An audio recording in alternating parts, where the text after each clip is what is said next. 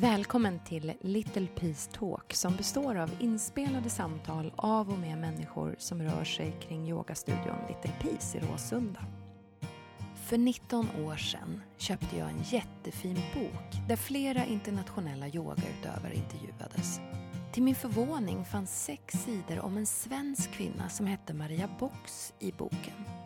Men det gick tio år innan våra vägar korsades och jag fick praktisera för Maria. Ytterligare tio år senare sitter Maria hemma på golvet i min lägenhet, redo att prata yoga. Jag är glad, förväntansfull och känner också vördnad. Maria har mer erfarenhet än de flesta av oss. Hon är en av Sveriges första ashtanga-yogalärare, drillad av Patabi Joyce, Iyengar och Tiwari långt innan det ens fanns någonting som hette yogalärarutbildning. Maria reste helt enkelt till Indien för att lära sig mer om yogasystemet och efter år av studier så fick hon plötsligt en klapp på axeln och någon som sa “Jag tycker att du är redo att föra praktiken vidare”. Vad en del kanske inte vet är att Maria var en pojkflicka som började med meditation tidigt i livet. Hon studerade till lärare med förkärlek för religion. Hon fann asanas på en teaterkurs och servade srilankiska buddhistmunkar i Stockholm innan hon fann ashtanga-yogan som hon idag är så sammankopplad med. Vi pratar om kaos i huvudet, den åttfaldiga vägen och raggarbilar i Värmland. Men vi pratar också om hennes lärare Patabi Joyce, allt hon fick av honom och hur hon ser på de övergreppsanklagelser som har florerat mot den nu framlidne läraren. Vi pratar också om att veta när man ska säga fuck off. Vi välkomnar Maria och vi välkomnar dig som lyssnar. Rädd för ja, ja. Men ja. Maria, ja. vad kul att ha dig här. Ja, tack för att jag får vara här. Det är så roligt att det är så personligt att mm. vi faktiskt sitter inne i min son Ottos rum mm. och, att, och det är så kul att få alla er väldigt duktiga och fantastiska yogalärare och komma hem hit och in i det här rummet ja, ja. för en timmes samtal. Är jättefint. Och det står relax där ser jag ovanför eh, alltså hans huvud, där, där han sover har huvudet. Ja. Det tycker jag var fint. Det ska jag påminna mig om nu när, ja. under podden, att bara ja. relax. och det är faktiskt så att han har, han har själv en sån där grej att han eh, väldigt njutningsfullt säger bara relax när någon är stressad. Um, mm. uh, så det, det kommer av han själv mm. att det, att det mm. står relax. Mm. Han har också en grej att, att han gärna, om man egentligen bara vill be dem fara åt pipan, mm. så kan man väldigt mjukt säga Fuck you! och se jättesnäll ut. Jag läste någonstans på Facebook, tror jag var Helen Mirren som skrev någonting, jag, jag tror jag sett den där förut. Och när hon fyllde 70, när hon blev 70 så hade hon en sån där grej att hon önskade att hon hade sagt fuck off lite oftare i sitt liv till ja. människor. Ja. Jag kan uppskatta liksom tydlighet. Mm. Mm. och det kanske är det hon syftar på, att faktiskt säga, vet du vad? Mm. Nej. Ja, jag tror att hon syftar kanske inte att säga fuck off, men att, men att kanske eh, våga säga nej till människor som man inte kanske ska fortsätta och vandra på samma väg som länge. Man kanske har mm. gjort sitt med vissa människor och att inte gå för länge. Mm. Eh, för att det kan bli ännu mer negativitet. Att våga säga nej tack, nu, Mm. nu, nu går jag vidare men på en annan väg. Och nu är inte jag 70 än men känna att eh, ju längre jag lever ju viktigare blir det vilka människor jag har omkring mig, vilka jag jobbar med vilka jag samarbetar med, vilka jag Mm. gör projekt med, vilka jag umgås med, vilka jag eh, småpratar, pratar i telefon med. Mm. Alltså allt Mm. så. För att tiden blir ju knappare och knappare och ju värdefullare blir den Mm. i det här livet. Så det, det kan jag känna och det tror jag, det är väl det hon menar. Mm.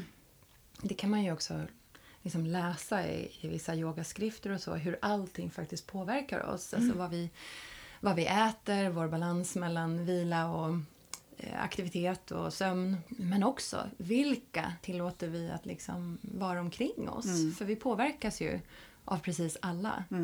Det, det blir tydligare och tyd- tydligare tycker jag ju äldre jag blir. Så, Ja.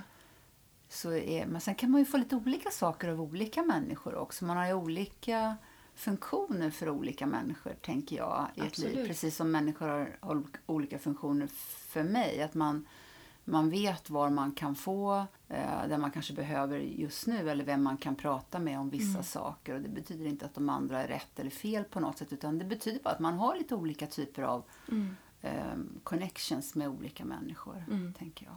Visst. Jag har en som jag kan ringa till dygnet runt. Alltså Två sådana personer faktiskt. Och det är, och det är ju värt väldigt mycket. Nu gör inte jag det, men bara att veta att Ja. jag kan göra det Ja. är oerhört eh, värdefullt. Har ni hängt ihop länge? Ja, alltså jag har känt henne sedan jag var fem år. Hon är Mm. äl- äldre än vad jag är. Så att, eh, vi har någon slags lite stora syster lilla syster relation och, Mm. och vänrelation också. Men litet som ett väldigt, väldigt djupgående systraskap kan jag väl säga att vi har. Mm. Och vi kommer från samma stad också så vi har våra rötter ihop och det betyder också någonting Just det. faktiskt när man blir äldre tycker Ja. jag. Och du är från Värmland, Ja, eller jag är hur? från Värmland. Jag är född i Kristinehamn, är uppvuxen i Karlskoga och Degerfors och Ah. Karlstad. Min mamma är ju från Värmland. Mm. Ja. Vart då ifrån? Från Arvika. Från Arvika. Ja. ja, det är lite mera norröver där. Ja, det är det. Ja. Närmre, närmre Norge. Närmare Norge, ja. Ja. Ja. ja. Ja, det är en riktig sån här äh, raggarbilsstad. Ja, det är det. Det kommer jag ihåg. Vi var där uppe när man var ung. Kommer jag ihåg. Vi var där på så folkpark och sånt där ibland. Mm. Arvikaparken. Mm. Arvikaparken, ja. Men jag måste Ah. säga att jag har, jag har ett så väldigt varmt... Jag har ett gott öga till, till Värmland. Mm. För jag känner att de är så otroligt... För mig, alltså en del kan kalla det eh, liksom bonnigt. Jag, Mm. jag känner inte eller jag kan väl se det på ett sätt, men på ett annat sätt så kan jag känna att det finns en sån direkthet och en värme. Det finns något folkligt över, över Värmland måste Ja. jag säga. Så det finns något väldigt eh, starkt kulturellt vad det gäller eh, alltså, poesi och musik Ja. och, och, och ja, författarskap och sådana saker. hantverk. Hantverk Mm. finns ju väldigt starkt förankrat tycker jag i, i, i Värmland. Sen finns det någonting med Karlstad till exempel. Det finns någonting härligt och soligt och jag vet inte. Kanske jag som var för sköna men, nej, men jag tycker om Värmland. Jag träffade ju dig för första gången i Värmland. Faktiskt. Ja, på Ängsbacka. Ja, ja, det, det var det. Ängsbacka yogafestival. Ja. 2009 måste det ha varit va? Var det första gången? Ja, det är möjligt. Mm. Det Då är var jag där första gången, Ja. 2009. Du höll ju en sån fantastisk klass ihop med Biff. Mm. Eh, Den, den minns jag En yin fortfarande. och yang-klass, ja. Ja, ja. Det var Han jättehäftigt. var yin och jag var yang. Ja. ja, det var fantastiskt roligt var det. Jag minns att Biff sa så här, han var så ödmjuk inför att få hålla den här klassen ihop med dig. Mm. För han sa she has such great knowledge and it was such a privilege. Och sen sa han But she had some nerve to take that whole barn up into Urdvadanurasana.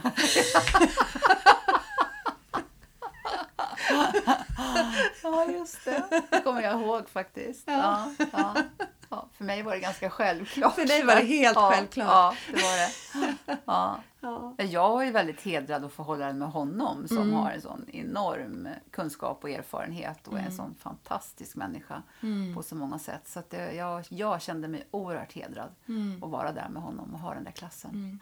Men du, Mm. växa upp i Värmland, hur var det? Hur var det? Det var ganska brokigt faktiskt. Jag växte upp då i, Karlskoga och, Degerfors och eh, ska jag säga det var, det var, det var ganska tufft var det också. Jag växte upp i ett bostadsområde så där så att eh, eh, det var inte så mycket Ja, det var ganska mycket betong faktiskt. Där jag, det var nybyggt och, och det var väl några ängar och någon skog runt omkring. Jag kommer le- lekte så här röda, vita Ja, just det. Röda visa rosen. Ja, uppe i skogen, i Rävåskogen hette det. Vi var olika ligor där som lekte. Nej, men jag var nog en sån tjej som slog mig fram lite grann. Jag ville gärna leka med killarna och sådär, vet jag. Jag ville liksom klättra i träd och springa i skogen och liksom hänga. Jag var inte så där att jag gick omkring och drog med dockvagn och såna här Nej. saker. Utan, Och jag känner igen mig i det. Jag har Ja. själv utnämnt Seb Macahan Mm. i alla lekar. mm, Okej, ja. Ja. ja. Om vi hoppar lite då. Mm. Hur, hur kom yogan in? Yogan kom in väldigt eh, tidigt, någon gång under alltså, 20 års ålder. Genom, jag gick på lärarhögskolan i Karlstad. Och där kom jag i kontakt med meditation framför allt. Och någon form av yoga. Så där, och jag hade redan innan varit väldigt intresserad av just religion och eh, sökande. Och, och du vet, man läste religioner och sådär i skolan om buddhism. Och jag var liksom dragen till de asiatiska livsåskådningarna så, som jag undersökte på olika sätt och genom litteratur. På den tiden fanns det ju ingen internet. Nej. Utan det, det var ju liksom att läsa böcker och fundera själv och sådär. Så gick jag så i söndagsskola och sådär för att jag Okej. var dragen till alltså det mer alltså andliga väldigt, väldigt tidigt. Gick du söndagsskola för att din, var din familj liksom Nej. kristna eller Nej. du valde själv? Nej, och- jag valde själv. Ah, okej. Jag valde själv. Ja. Ingen i min familj har väl någonsin gått i söndagsskola. Nej, så jag var ju helt... Och jag gjorde så här, du vet, eh, Fader vår när jag gick och la mig på kvällarna Ah. och sådär. Jag vet inte varför. Jag var alltså en andligt sökande Ja.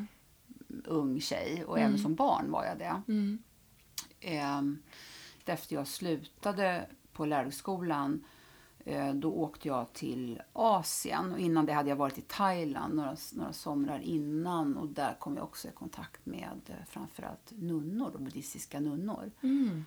Eh, och sen åkte jag till Asien och där fick jag mera kontakt med eh, alltså framförallt med, med människor som utövade yoga och meditation. Eh, och som jag då satt tillsammans med mycket. Och sen så när jag kom hem fr- därifrån den resan så flyttade jag till Stockholm och då började jag på olika typer av kurser. Mm. Då var jag 27, 28 eller sånt Ah, okej, Mm. ja. Då hade jag liksom hållit på där i Asien i några år och även i Karlstad. Och så, där. så där började jag mer alltså regelbundet utöva. Och jag var jättemycket hos buddhistiska munkar från Sri Lanka nere i Hornsbergs strand. Tror höll till. Mm. Där tillbringade jag alltså helger och ja, var med dem där och servade dem och gick på kurser där och mediterade. Och, så att jag sökte mig via meditation först. Mm. För Vad jag- spännande. Mm, För mm. att det är, men bara min känsla är att väldigt många finner så att säga, asanas Mm, först. mm. Men du hittade Ja. finliret Ja, först. det gjorde jag. För att på den tiden, du vet, då fann, det var ju på 80-talet, det fanns inte så mycket asanas i, i Stockholm eller i, i Sverige. Jag hittade då Carlos Rio Santiago ute i Bromma som gick bort för tre år sedan nu. Honom hittade jag till och började gå hos honom en gång i veckan på här fyra timmars yoga. Och honom hittade jag till för jag gick på teaterskola på Kulturama. Och där blev vi introducerade i solhälsningarna Ah, olika typer av kroppsformer så att säga där solhälsningarna var en slags ingång till att skapa en närvaro i, i kroppen då, och ett uttryck. Där började kan jag säga kanske min djupare resa med både yoga asanas och andningsövningar och meditation. Han var ju fantastisk. Han hade ju liksom alla delarna med.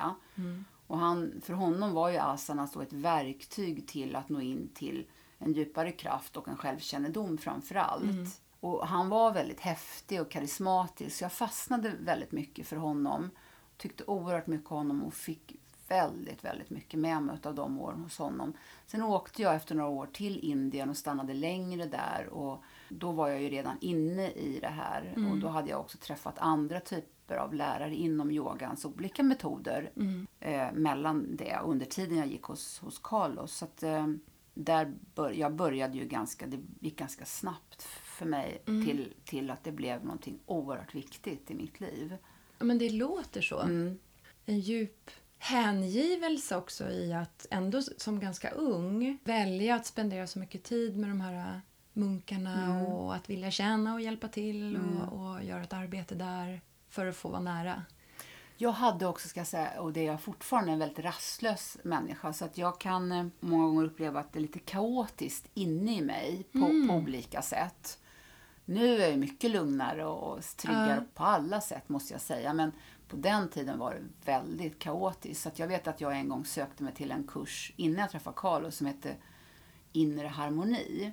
Och det var så tio gånger, det tror jag, på skandinavisk yogaskola. Och där fick jag verkligen klart för mig att, att det var kaos i mig. Alltså den här meditationen ledde bara nästan till ännu mer kaos. Okej. Därför att jag fick syn på, det gick snabbt i huvudet och det var en det ena och en det andra. Jag kunde liksom inte skilja på tankar, känslor. Det gick liksom runt. Och jag visste inte vad jag skulle hålla mig i heller och vilken väg jag skulle gå och vart jag skulle ta vägen. Jag var väldigt rastlös. Så när jag sen träffade Carlos och fick jobba med att liksom se mig själv också i de fysiska övningarna. Så för mig blev ju också asana-delen, att jag rörde på mig, blev ett sätt att stilla sinnet på ett annat sätt. Istället för att vara stillasittande och bara se det här rörliga sinnet. Det var svårt för mig. Ja.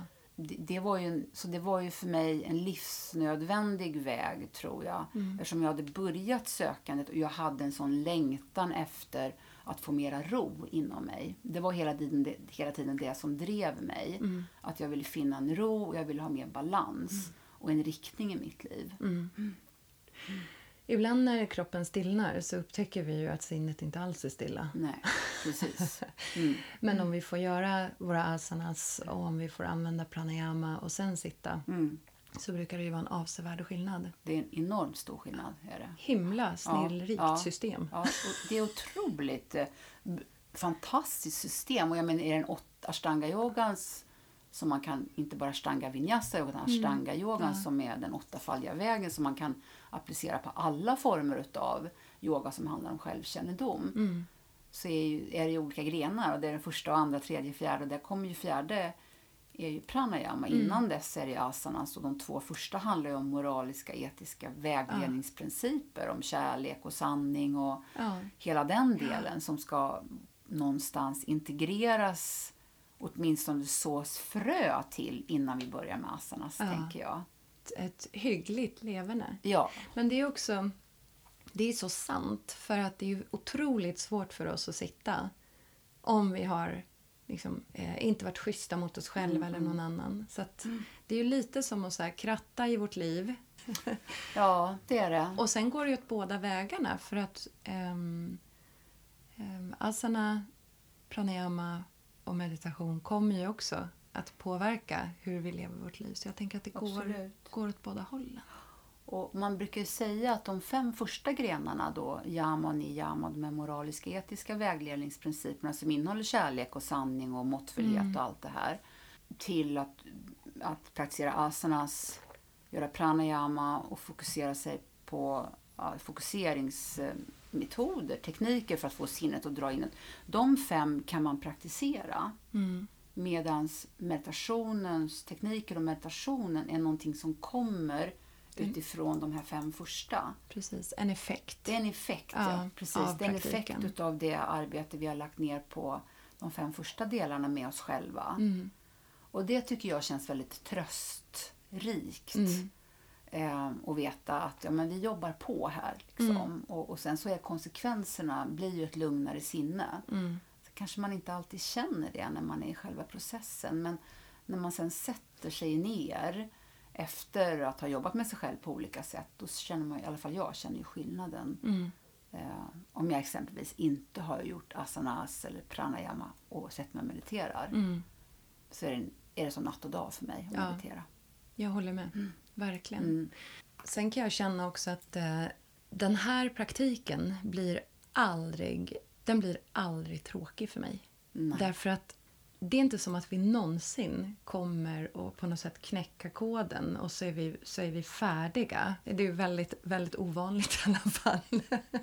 Vi blir aldrig färdiga. Nej. Nej. Och även om vi själva är stabila i vår praktik så kommer livet skicka på oss utmaningar Mm. Som gör att, att liksom praktiken ställs på sin spets Mm. lite grann. Eller viktigheten av praktiken ställs på sin spets. Så även om vi praktiserar regelbundet så kommer ju vårt liv bjuda oss på, på toppar och dalar som hela tiden kommer att pröva praktiken. Mm. Vi sätts ju ofta på prov, tycker jag, i livet. Och då blir man ju också lite varse om hur praktiken är integrerad i en också. Mm. Vart den har landat i en. Mm. För ibland kan det vara så att vi praktiserar för att vi ska känna oss på ett visst sätt. Eller bli starka eller mjuka eller så.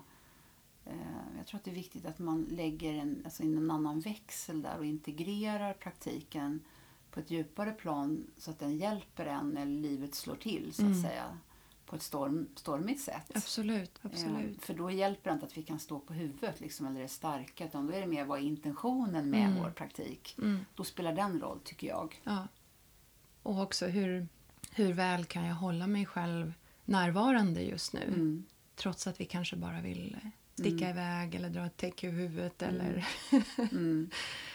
Eh, och det handlar ju inte om att inte vara med sorg eller vara med ilska. Utan det handlar just om det. Att, vara, att vara med den och kunna hantera den. Mm. Ja, för det kan vi inte, liksom det här när vi, vilket är en mänsklig eh, mänsklighet, att vi försöker fly när det blir jobbigt Mm. på, på olika sätt. Mm. Och det är då när det är jobbigt som man kanske på något sätt fördjupar sig och i yogan då att man verkligen, eh, verkligen går djupare mot ett mer yogiskt tillstånd som, Mm. är, ja, som är ett tillstånd av eh, förnöjsamhet så att säga, oavsett vad som än händer. Mm. Och det är ju lättare sagt än gjort när det Mm. stormar. Mm. Men Indien, Mm. där hamnade du. Och jag tror att de flesta som, som tänker på dig, trots att du nu berättar att du har haft eh, liksom, en ganska lång yogisk resa innan du träffade Patabi Joyce och ashtanga-yogan. Men jag tror i Sverige att du är ganska förknippad med ashtanga vinyasa. Mm. Det är jag säkert. För att du landade ju någon gång där då, då eh, 96. 96 Mm. hos Patabi Joyce. Så jag hann att att träffa honom regelbundet under 13 års tid innan han gick bort. Ja, Han gick ju bort 2009. just det. Mm. Mm. Så under 13 år så var jag hos honom i stort sett varje år. Mm. Eller också så åkte jag träffa honom. Men ibland åkte jag två gånger om året också Ja. dit. Stannade du längre perioder då? Ja, ibland var jag där längre, ibland var jag där. Minsta jag var där var en månad. Mm. Eh, ibland var jag där flera månader. Mm. Mm. Hur, hur kom det sig att du hittade till honom från första början? Jag hittade till honom därför att jag var ju först... 95 var jag hos Mr Ayengar ett, ett helt år, Ayenga-yoga i, i, i Pune.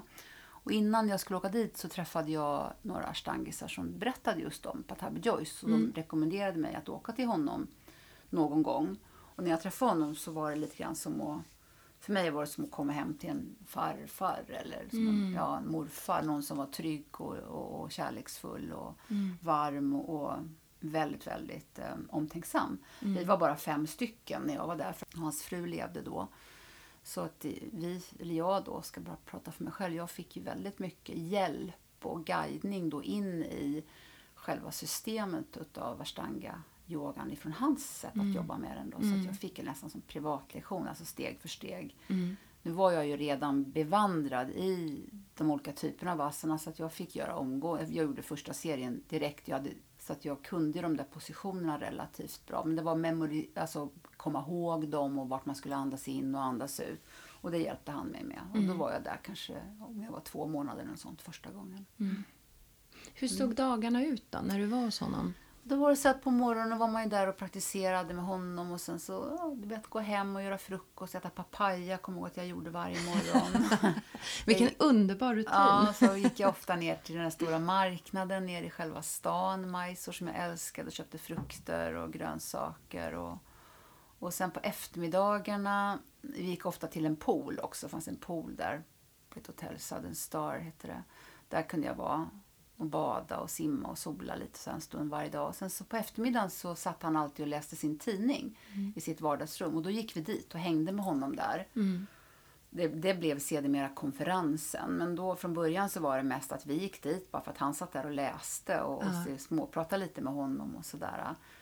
Och sen efter det så gick man hem och fixade lite och gick och la sig. Ganska tid, tidiga kvällar var det ju. Vi var ju fokuserade på just själva praktiken på morgnarna och sådär. Mm. Och när du säger vi, då var det du och några till? Det var jag och några till. Vi var fem från början, sen växte det där. Det, var, det blev fler och fler. Mm. Det var ju många som var där egentligen. Det var precis att vi var så få var för att han hade kommit hem från en resa. Så alla visste inte att han var hemma. Mm. För på den tiden, det fanns ju inte internetanmäld. Då, då kom vi ju bara dit. Ja, och knacka på. Ja, och knackade på och sa att jag vill, jag vill träna. Okej, sa han. Varsågod, kom då och då. Ja. Kom den och den tiden. Så, så, så, så var det. Och sen växte den här gruppen allt eftersom jag var där. Så blev det ju fler och fler som, som kom då.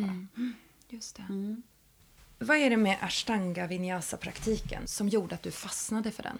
Jag fastnade för ashtanga eh, vinyasa-yogan tror jag för att flödet och andningen. Att, eh, att det, var, det var som ett flow med in och utandning och genom de olika positionerna där man inte hakade upp sig så mycket på detaljer vad gällde den fysiska kroppen utan det var mer flödet som stod i, i fokus med andningen då självklart.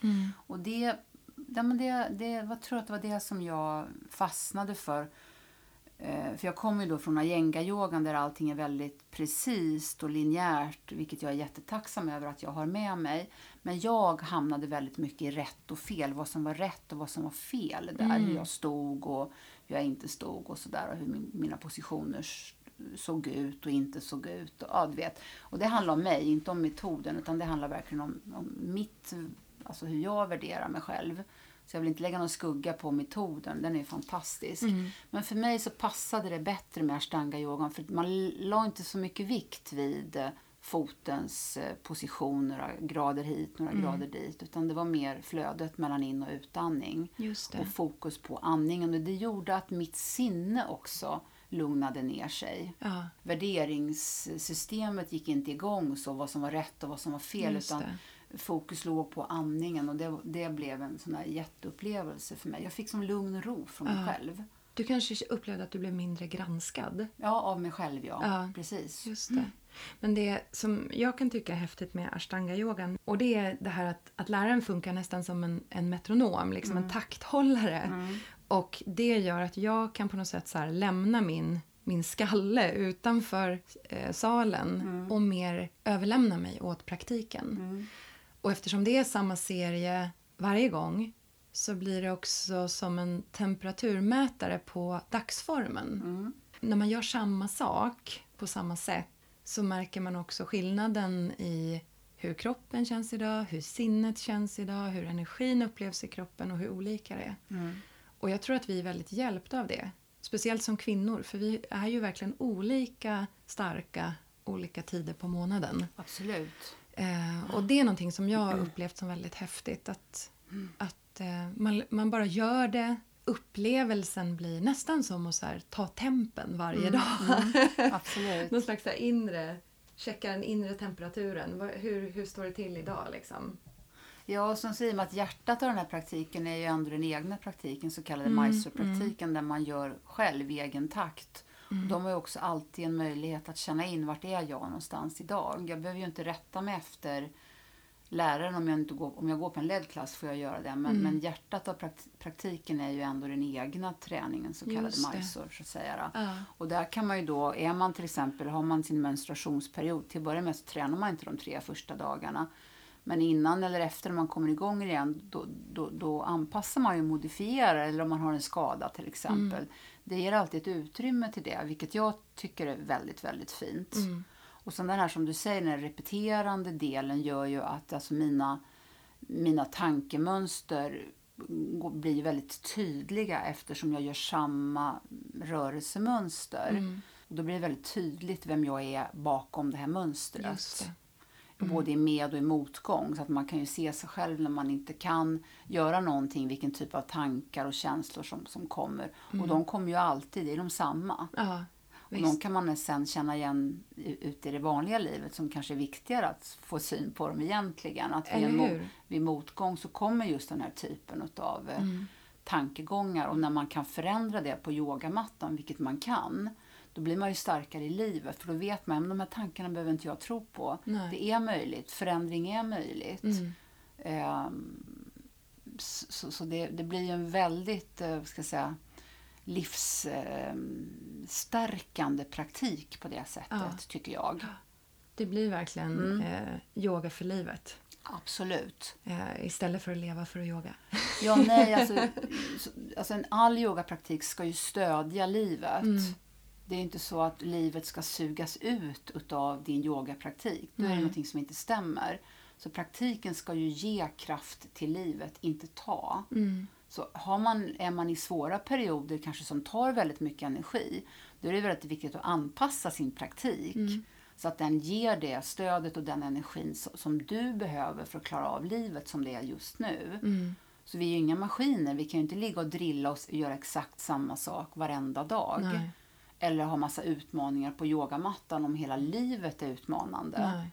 Då, då kör vi ju över hela oss och hela energisystemet på ett väldigt destruktivt sätt. Mm. Och det tycker jag ashtanga-yogan har och ger möjligheter till med den egna praktiken. Att man där kan modifiera, man kan göra mindre. Du behöver inte följa läraren. Nej. Utan du kan så att säga, göra och följa eh, din egen inre röst. Det finns ju en baksida med det. Det är ju att man även där kan hamna i ett slags maskineri. Att man s- lyssnar på sin starka röst. Mm. Eller, eller man lyssnar på den som är lite mer bekväm. Mm. Den där lite slöa. Den lite slöare. Mm. Men det ser man ju också så småningom vilka mönster man har. Jag har väldigt lätt att ligga lite för länge i ekapadara ekapotasarna. Okej, Där ja, verkar ja, jag ja. vara jättebekväm. Ja, ja, ja, ja. Så det är ju som viktigt. Och så ser man ju det då, och så kan man ju använda sitt intellekt och veta men då behöver Mm. jag Hanna här.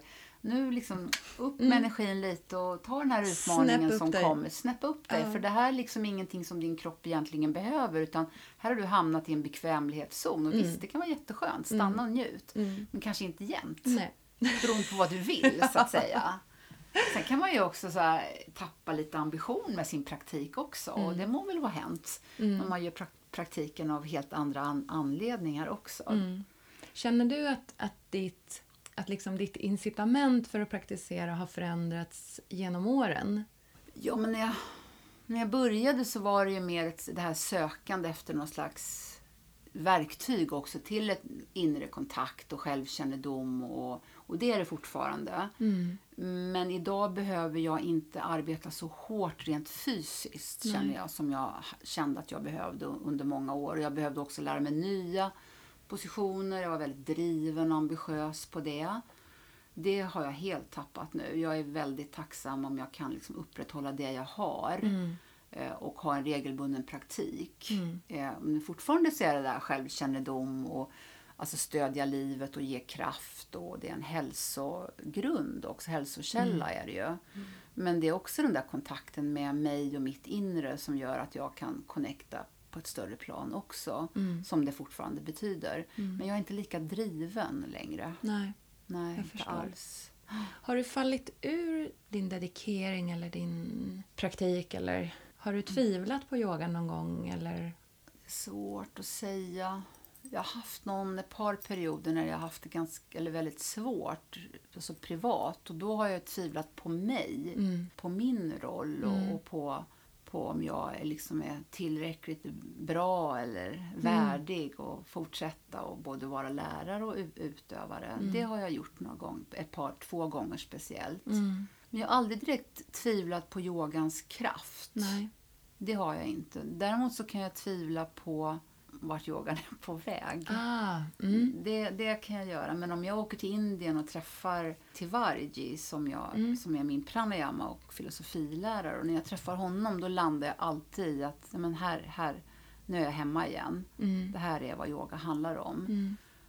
Men om jag tittar på följer och tittar på allt för många Instagram-konton då kan jag bli lite förvirrad och, och lite så här, oj, vart är vi på väg någonstans? Och vad är det som är viktigt och vad är det som visas upp som viktigt? Och, och, ehm, ja, då kan jag bli lite fundersam, eller väldigt fundersam faktiskt, vart vi är på väg någonstans med, med yogan i västvärlden och även i öst idag. Nej. Det är väldigt många som säger som Ja. du. Och när jag stod inför att, att starta Little Peace Mm. så hade jag en... eh, Jag hade ett samtal med min pappa. Mm.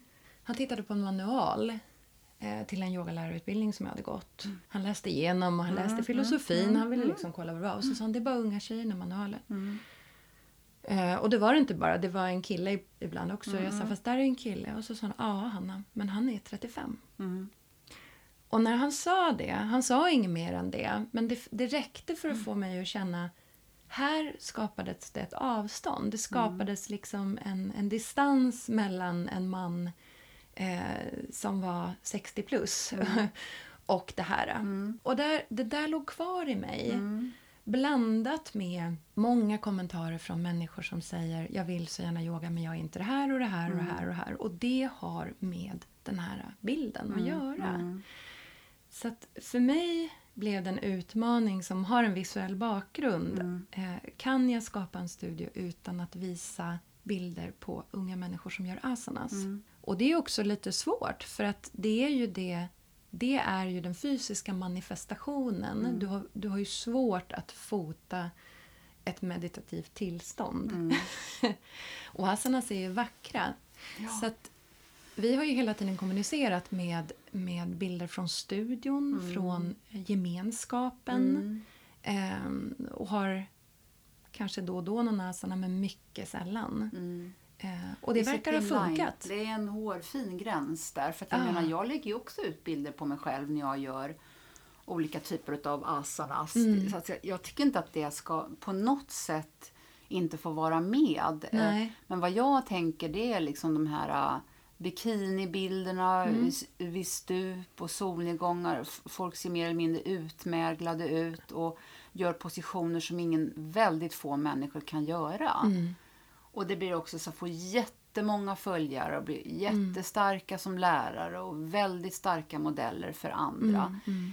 Och det är ju vi som gör dem till det Mm. också. Som följer med, som blir medberoende och som stödjer den utvecklingen. Mm. Det är ju alla följare som gör det. Och det kan jag bli mer fundersam över än den som lägger ut. Mm. Varför, följer, varför blir det här så populärt? Men in, inte det här som kanske är ett blandat konto Ja. som du beskriver. Då. Varför blir det mindre populärt? Eller ett, eller ett konto som har mycket tänkvärd text Ja. och Ja, kan ge liksom food for thought. Eller varför blir vissa manliga lärare väldigt mycket mer intressanta än, än, än kvinnliga lärare i en viss ålder? Mm. Eh, för att i yogan så säger man ju ändå, som i öst säger man ju att när man liksom når 60 då, då kan man börja snacka liksom insikter och, och vishet. Mm. Och det är då man på något sätt spirituellt börjar sin, sin utveckling och Mm. djup, på ett djupare sätt. Vanligtvis, så säger man i, i Indien då. Mm. Medan man här, när man liksom kommer upp även i yngre ålder, då är man mindre värd än de som är 35 som lärare till exempel. Mindre viktig. Mm. Inte generellt, men, men må- ja, oh ja. Mm. Oh ja. Inte, inte bland alla, Nej. men en generell ja. Du Mm. är liksom mer intressant som lärare om du har ett konto där du slår knut på dig själv och, och helst i bikini. Och, nu Mm. når du ju, jag vill inte låta bitter, var och en gör precis vad de vill och dras till, till vem man vill och man får väl den lärare och dras till den lärare man ska ha också Mm. någonstans. Men jag kan bli lite förundrad över själva alltså populariteten. Mm. Att det, jag tycker att det känns att det är mindre viktigt att ha vishet och kunskap och insikt och erfarenhet Mm. Än att göra massa häftiga positioner. Mm. Nej, Det- jag det säger word på den. Ja, Jag har ju lite företag som jag är ute hos också. Mm. Bland annat ett företag som har satsat mycket på meditation. Mm. Eh, Så jag går dit och, och leder meditation på fredagar och det har blivit en underbar grupp. Men så var det en tjej som jobbar där som kom upp och sa, får jag prata lite med dig? efter?" Och så sa hon, alltså jag mår så bra varje fredag som vi har hållit på med det här. Och jag känner en sån dragning. Jag känner att jag vill ha mer och jag vill lära mig mer. Och jag känner att det börjar påverka mig liksom mellan de här fredagarna. Och jag, jag är liksom sugen på mer. Men jag är så rädd. Jag vill inte bli en sån där yogatjej. och då sa jag, jag måste få, är en yogatjej då för dig? ja, ja. Och då sa hon, men det känns som att jag måste ge upp hela mitt liv och så måste jag börja gå runt i bikini och ta kort på mig själv med massa såna här pärlhalsband runt halsen och jag måste bara dricka gröna drinkar och bo på en strand. Mm. Och då jag, yogan är till för att stötta ditt liv. Du kanske fortfarande jobbar på ekonomiavdelningen här. Men må bättre och ha ett bättre flow i det. Det är det det är. Det är ju inte att du behöver byta och bli något annat och kliva in i någon slags image och bild. Och kan ju, man kan ju liksom skratta åt det. Men det, det säger någonting Ja, det om hur yogan har blivit presenterad Ja. och hur bilden av yogan har liksom hijackats Ja. utav de här Instagramkontona. När det kanske handlar om att faktiskt kunna tjäna andra i sitt liv bättre och tjäna sig själv bättre. Yogan är ju inget självändamål på, på så sätt utan yogan är ju en tanke att man så att säga, ska lära känna sig själv på största möjliga sätt så att så, man kan göra goda saker både för sig själv och andra människor. Ja. Eh, Det är inte Men där man är. Ja, där man är. Ja. Inte att man, man behöver inte flytta till en strand Nej. För att man håller på med yoga. Det vore, herregud, då skulle stränderna bli helt överbefolkade. Så många människor som gör yoga. Ja. Eller hur? Ja. Utan det handlar ju om, precis som du säger, att stötta sig själv där man är och fördjupa sig där man är. Transformationen, om man det är någon sån, den är ju inifrån. Den, behöver inte, det behöver inte betyda bara för att du flyttar till en strand, behöver inte betyda att du har transformerats på något sätt egentligen. Mm. Du kanske Du bara kanske köpte t-shirten. strand. Mm, och köpte t-shirten. Köpt en t-shirt, flyttat till stranden och köpt en grön drink och, så, och har en yogamatta i handen, då uppfyller du de kriterierna. Jag, jag kommer ihåg när jag började åka, åka till Indien, bara med tanke på det, då, då fanns det inte i min värld, där jag levde i med yogan och med de människor jag hade omkring mig, vi pratade aldrig om att man skulle bli yogalärare. Nej. Det fanns inte. Alltså när jag kom till Mistra Gängar så visste inte jag ens om att det fanns certifikat, eh, att man kunde åka hem och undervisa i det här. Utan vi var ju där för vår egen skull, inte för att bli yogalärare. Nej. Jag åkte ju dit för att, för att fortsätta och fördjupa mig med ett verktyg som jag mådde bra av. Och som jag kände att om jag mår bra så kommer min omgivning också må bra eller må bättre utav. Jag blir en bättre människa om jag blir en seende människa. Eh, Och den processen fortsätter ju alltid. Därför att det finns alltid saker och ting kvar att se. Det finns alltid skuggor, alltid mörker kvar inom oss alla så länge vi lever i den här kroppen. När vi den dagen har hamnat i fullt ljus inom oss, då uppgår vi ju till nirvana. Då behöver vi inte vara människor längre. Nej. Och det räcker inte med en grön smoothie. Nej. Det krävs lite mer och några fler liv Ja. för att hamna liksom i någon slags fullständigt ljus med sig själv. Och då har vi ju gjort det vi ska på den här jorden. Mm. Ja. Förstår du vad jag menar? visst. då har vi uppfyllt de uppgifterna vi har fått till oss. Och när vi är där så hänger vi definitivt inte på Instagram längre. Nej, absolut. Vi har, inga behov av det. Så, så sett. Och Instagram är ju också någonting som har, har skapat ett behov av Instagram i, Ja. i, i sig. Och som vi alla har, i alla fall jag också, hakat på. Liksom.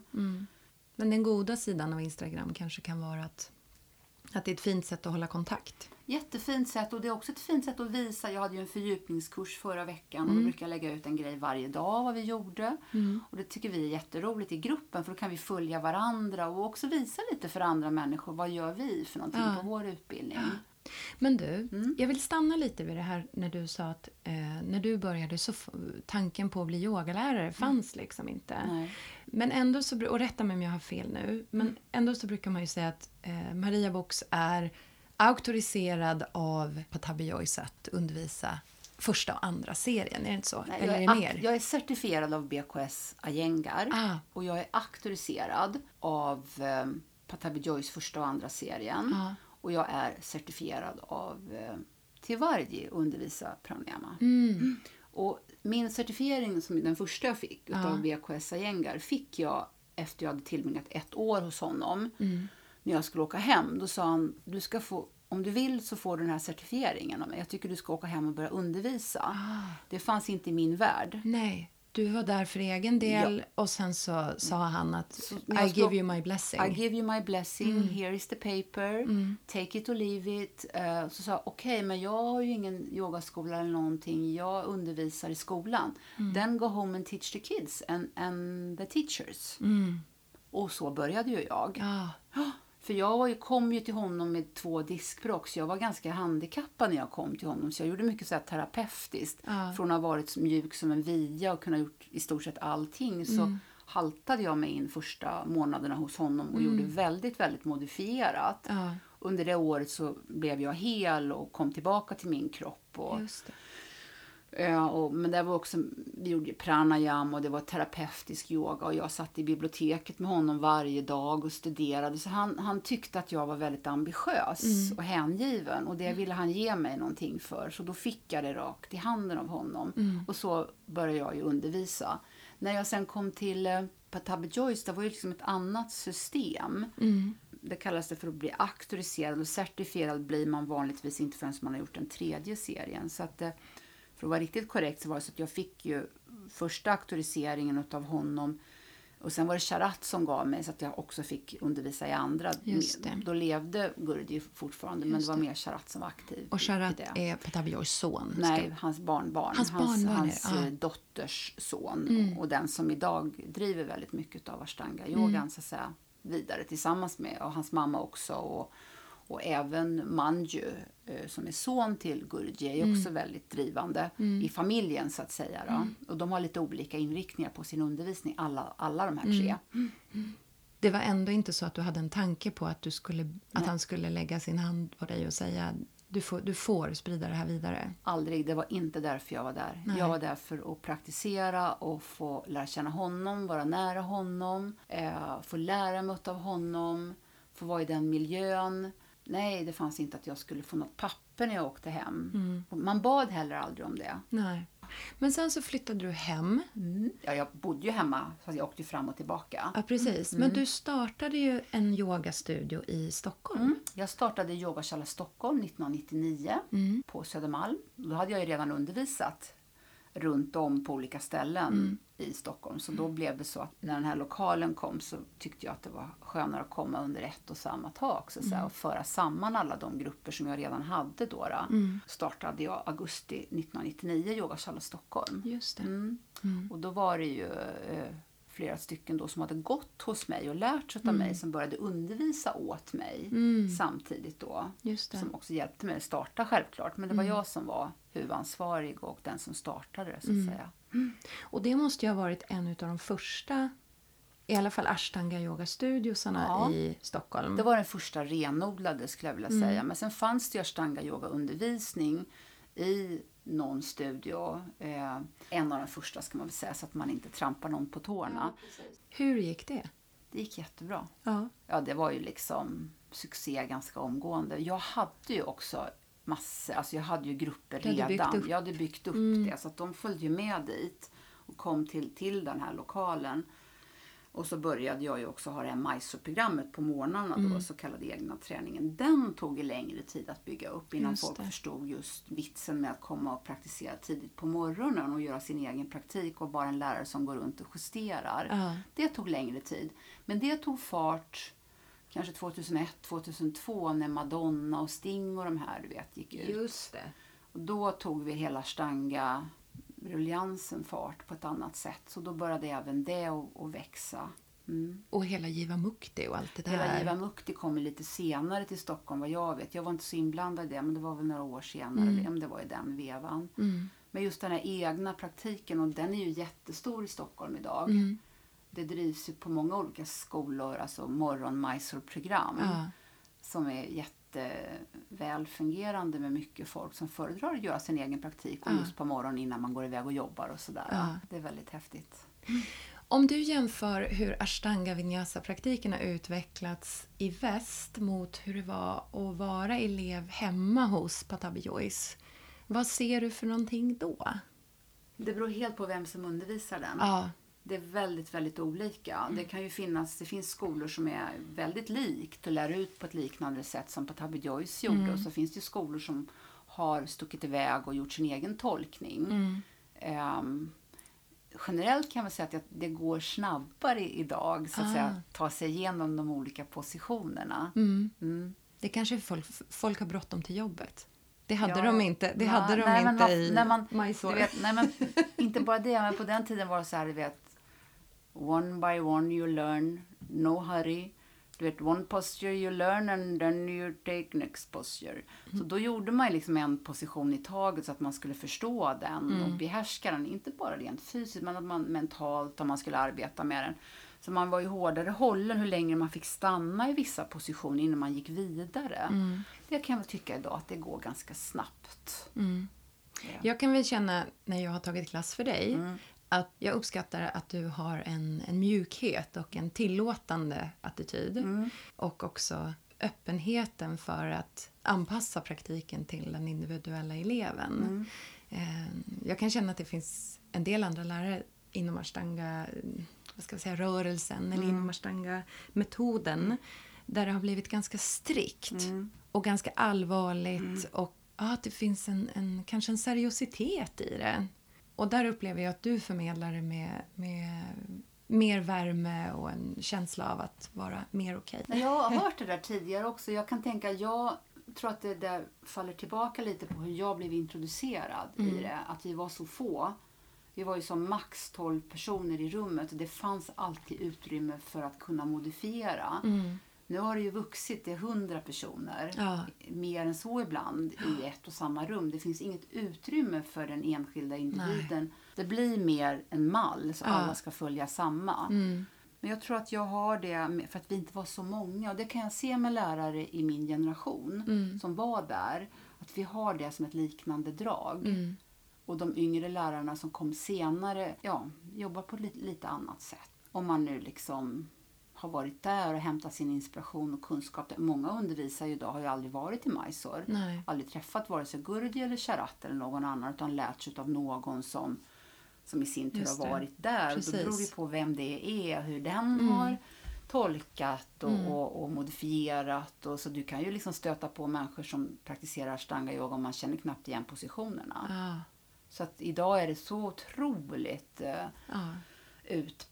Och, och kan se så olika ut. Mm. Det kan jag tycka är lite synd.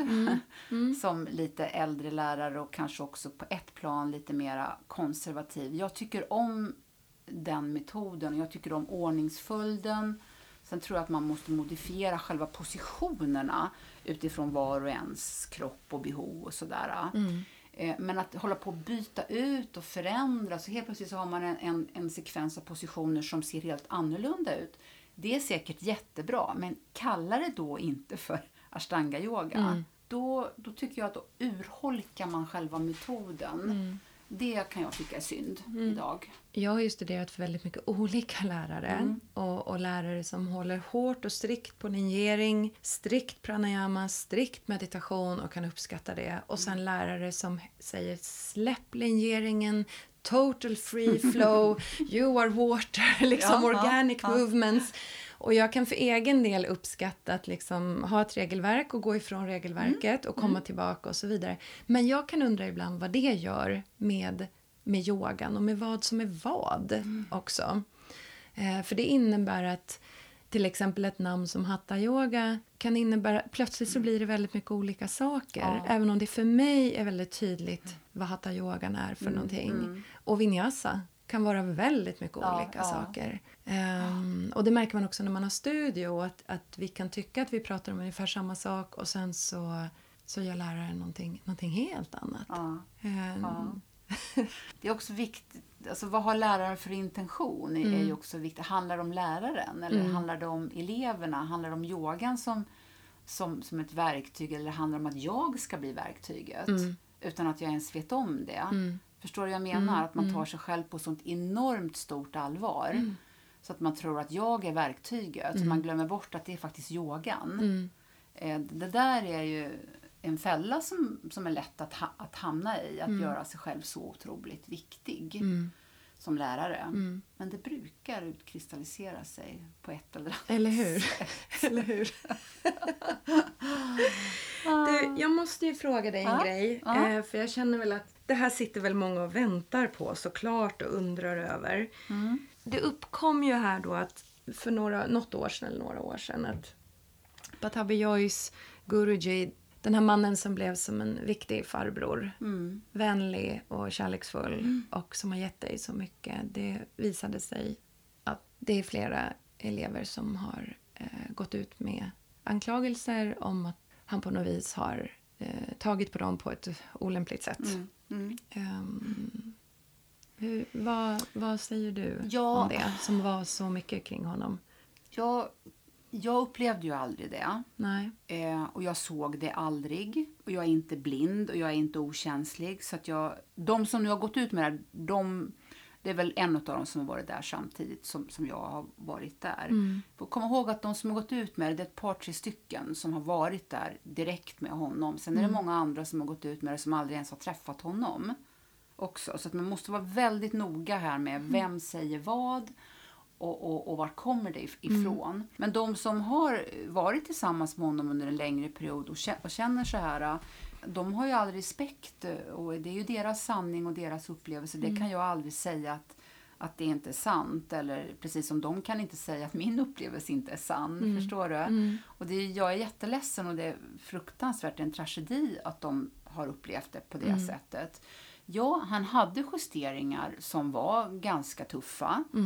Mm. Eh, och händerna hamnade på liksom lite olika ställen här och där. Mm. Eh, jag upplevde aldrig att han på något sätt kom för nära mitt kön eller mina bröst eller anus eller något sånt som nu har kommit fram i, i människors olika vittnesmål. Jag jag vet inte vad jag ska säga för att det, det är ju deras upplevelse och, och deras sanning och det respekterar jag dem för. Mm. Eh, och jag har en helt annan upplevelse. Så jag har valt, gjort ett medvetet val att stanna i min upplevelse, respektera andras. Mm. jag går inte in så mycket i, i det där. Han är död sedan tio år. Mm. han kan inte försvara sig, förklara sig. För honom så var, var vi också en kropp. Han mm. jobbade mm. med våra kroppar på olika sätt. Mm. Som vi låg, när jag låg i en position som heter yoga nidrasana till mm. exempel. När man ligger ner med rumpan upp och vet, benen bakom huvudet och armarna liksom där. Mm. Då satte han sina händer här på rumpan för att trycka ner mm. för att sträcka ut ryggen. Mm. För mig var det aldrig något sexuellt i det. Medan andra då, ett par, har upplevt att det var ett sexuellt ja. överskridande av någon, någon gräns där. Mm. Jag upplevde aldrig det så. Nej. Nej, och du kan ju aldrig ha en annan upplevelse än den du har haft. Nej, jag är ledsen att det har blivit så här. Mm. Jag tycker att det är oerhört sorgligt. Och det är väldigt synd om de som, har, som upplever att, att de har fått sådana här mm. justeringar. Och jag har varit hos ett par lärare som jag inte tycker har lagt händerna på korrekta ställen. Ja. Och då åker inte jag tillbaka någon mer. Sen har inte jag något behov av att hänga ut den här personen utan då lämnar jag det ja. liksom, och går vidare. Men Guruji är inte en av dem för dig? Nej, absolut Nej. inte. Nej. Absolut inte. Mm. Tvärtom. Mm.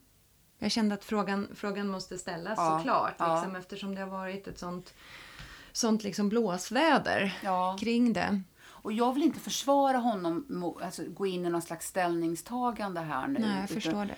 Eh, men jag ställer mig frågande till de som skriver böcker om honom och liksom, som inte ens har varit där och ska ta upp det här och göra massa stora ja. grejer och skapa skandaler. Jag ställer mig inte frågande till de som har haft en direkt upplevelse av honom. Nej. Det är deras verklighet, det är deras upplevelse och det är jättetragiskt tycker mm. jag att det har varit så för dem. Jag är inte en av dem. Nej. Bra, mm. då vet vi det. Mm. um, Maria, vad, ja. vad är den största behållningen i ditt liv av din yogapraktik? Oj. Den största behållningen i mitt liv av min yogapraktik. Mm. Oj, det är stort. Alltså, jag, alltså mötet med Patabi Joyce var ju en sån transformerande... Jag är lite ledsen. Mm. För det är liksom lite känsligt det här med honom för mig också. Mm, jag förstår det. Uh, jag tycker att han är... Nej, för mig var han en enorm eh, transformerande person på ett mm. spirituellt fysiskt, mentalt plan. Han betydde så mycket för mig och tron på mig och min kropp och kontakt och mm. en spiritualitet och att också börja undervisa. Så mm. tiden, åren med honom tror jag absolut har varit de största för mig och som jag också använder mig väldigt mycket av och lever med. Sen var mötet med Tivarji, med pranayaman och det här var också, är också, det har jag ju fortfarande är fantastiskt stort för mig. Mm. Att få vara nära honom och lära mig av honom och alltså gå in också i en lugnare fas på något sätt. Mm. Eh, men mötet med Patabi Joyce och alla de åren med honom var eh, väldigt, väldigt stora och starka för mm. mig. På vilket sätt har det liksom förändrat sättet som du eh, tar dig an livet.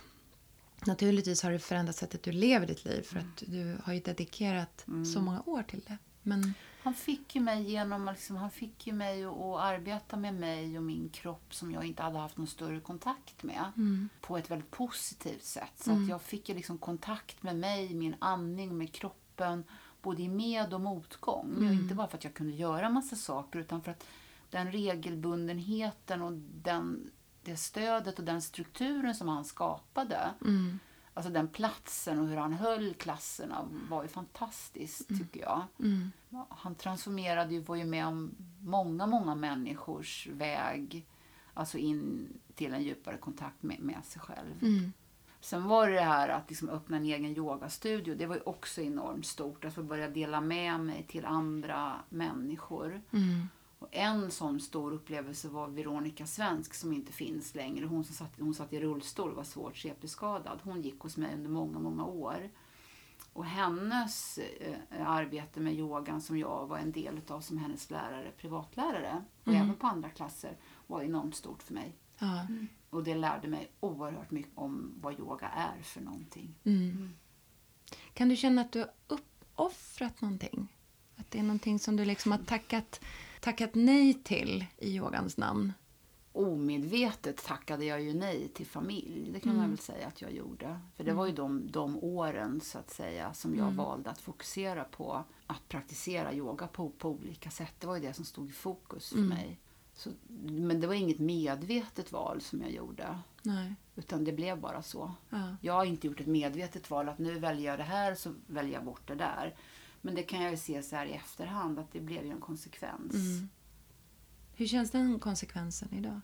Både och. Både och? Ja. Mm. Mm. Både och. Nu har jag en familj. Jag har, jag har en familj på mitt sätt. Liksom. Mm. Och familjer kan se väldigt olika ut. Och jag har jättemycket barn runt omkring mig.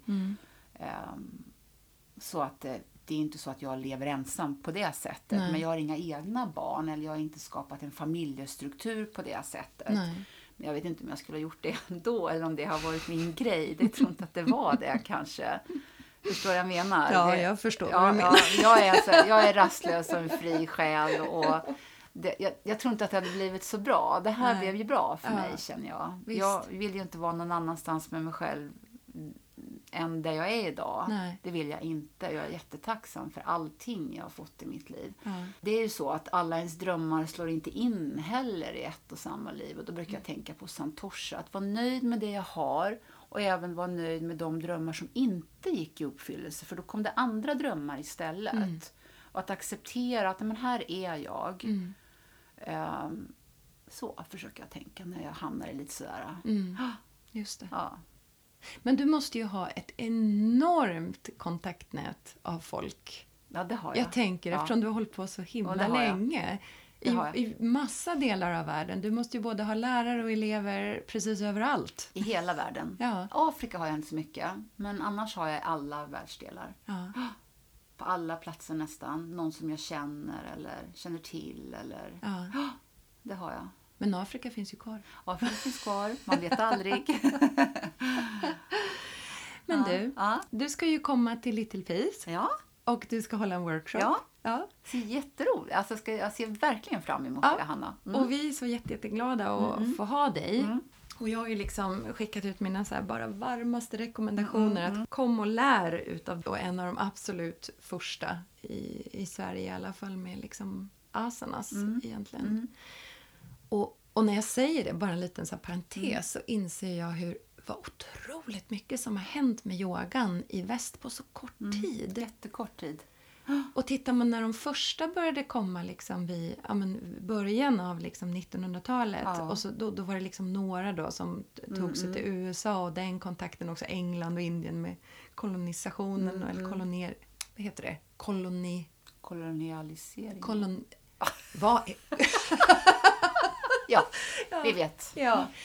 Och så 70-tal och sen 80-tal. Mm. Och så nu liksom, Mm. när vi, barnen yogar i skolan, Mm. yogan finns på gymmen. Mm. Det, tröskeln till att gå yoga Mm. eh, blir mindre och mindre Mm. för gemene man. Mm. Det är ju Det är så, fantastiskt. Himla, så himla ballt. Ja, det är det verkligen. Men du var ändå först i Sverige, även om det inte var jättelänge sen då, i slutet Nej. på, slutet på 80-talet. Ja, kan Ja. man säga. Och 99 öppnade ju studion och 95 började jag ju undervisa så att Ja. säga, regelbundet. Då. Ja. Det är ju Mm. Det är inte jättelång tid, Nej, det även är om det är lång tid. Men du ska i alla fall få komma till studion eh, och du ska hålla en workshop. Och då valde vi att kalla den för en, en hatta flow. Mm.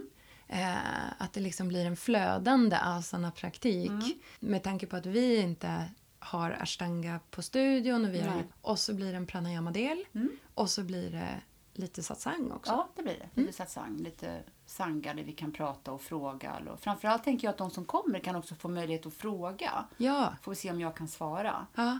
Eh, om det är något man tänker på inom yogan. Det är inte säkert att jag kan svara, men jag kommer göra mitt bästa. ja. Och hatta flow-klassen tänker jag blir någon slags- kombination utav, alltså självklart influerat utav ashtangans Mm. flöde, men också lite modifierat så att eh, man kan vara med så att säga och inte, ja, som jag bryter mig loss, loss lite från namnet känner jag. ja. Och också för att respekt för ashtanga-yogan, om jag, Mm. då, kan då är jag friare att göra någonting utifrån gruppen och Just mig. det. Mm. Så ingen behöver rädas denna workshop Ingen behöver rädas. och känna att man inte är tillräckligt Nej. av det ena eller tredje utan precis alla är välkomna. Kom som du är med ett öppet sinne. Det finns alltid möjlighet att modifiera. Man kan alltid ta en paus. Man kan sätta sig ner och titta. Man kan känna efter. Man kan hoppa på om man behöver vila lite. Så den möjligheten ska finnas, tycker jag. Mm. En öppenhet. En öppenhet, ja. Ja. Det är precis så som jag har upplevt dina klasser. Mm, härligt, Hanna! Det finns en öppenhet Ja. Och, och någonting liksom tillåtande. Du, hur ser resten av året ut? Du spenderar ju mycket tid i andra länder. Ja, nu kommer jag ju vara lite mera hemma är tanken för att jag ska också gå en egen så personlig liten utbildning, eller liten, alltså gå någon slags utbildning med psykosyntes eh, grundkurs på Humanova. Mm. Ett år. Ja. Kvällar framförallt. Så jag kommer att vara hemma lite mer. Men jag Mm. åker till Goa i november och har en kurs där, ett, ett retreat. Så kommer jag hem till jul och sen kommer jag att vara hemma och göra den här kursen. Så åka till Danmark någon vecka och lite sådär. Men jag kommer att vara hemma lite mer det här året, är tanken. Mm. Ja. Får se om jag kan hålla i mig. Hur känns det då? För du spenderar ju du, du spenderar ganska lång tid i Grekland, gör du inte Ja, det? det gör jag. Men det är mest på sommaren för jag jobbar där på somrarna. Ja, och sen långa stunder i Indien. Ja. Mm. Nej, det, det, jag tycker att det känns spännande. Jag håller på och rensar hemma och eh, försöker liksom att skapa ett hem som är lite enklare och lite mer luftigt. Och, för att jag ska vara hemma nu Ja. eh, och kunna landa lite mer. Jag tror att det blir bra.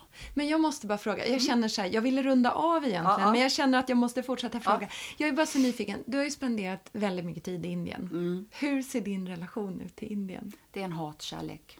Okej. Mm. Mestadels kärlek. Mm. Jag älskar Indien och dess mångfald och, och dofterna och eh, allt som stinker och eh, lugnet och bruset och eh, kaoset. Och, alltså, varje gång jag landar där så känner jag mig väldigt mycket som hemma. Men det är också så att när jag åker hem hit så är det skönt att komma hem till ett annat typ av lugn. Jag kan hitta ett lugn i det där kaoset nå- någonstans. Eh, Så det, det, det är både och. Är det. Så det kommer att vara lite konstigt för mig att just 2019-20 inte vara där så mycket. Men jag tänker att allting är ju föränderligt och nu får det vara så här den här säsongen. Får vi se vad som händer nästa. Jättespännande. Du Maria, tusen tack, Ja, för tack att jag själv. fick tid att prata med dig. Och eh, det ska bli superroligt med din workshop. ja, Ja. tack, tack Hanna. Ha det gött! Tack, Som man säger i Värmland. Ja, precis.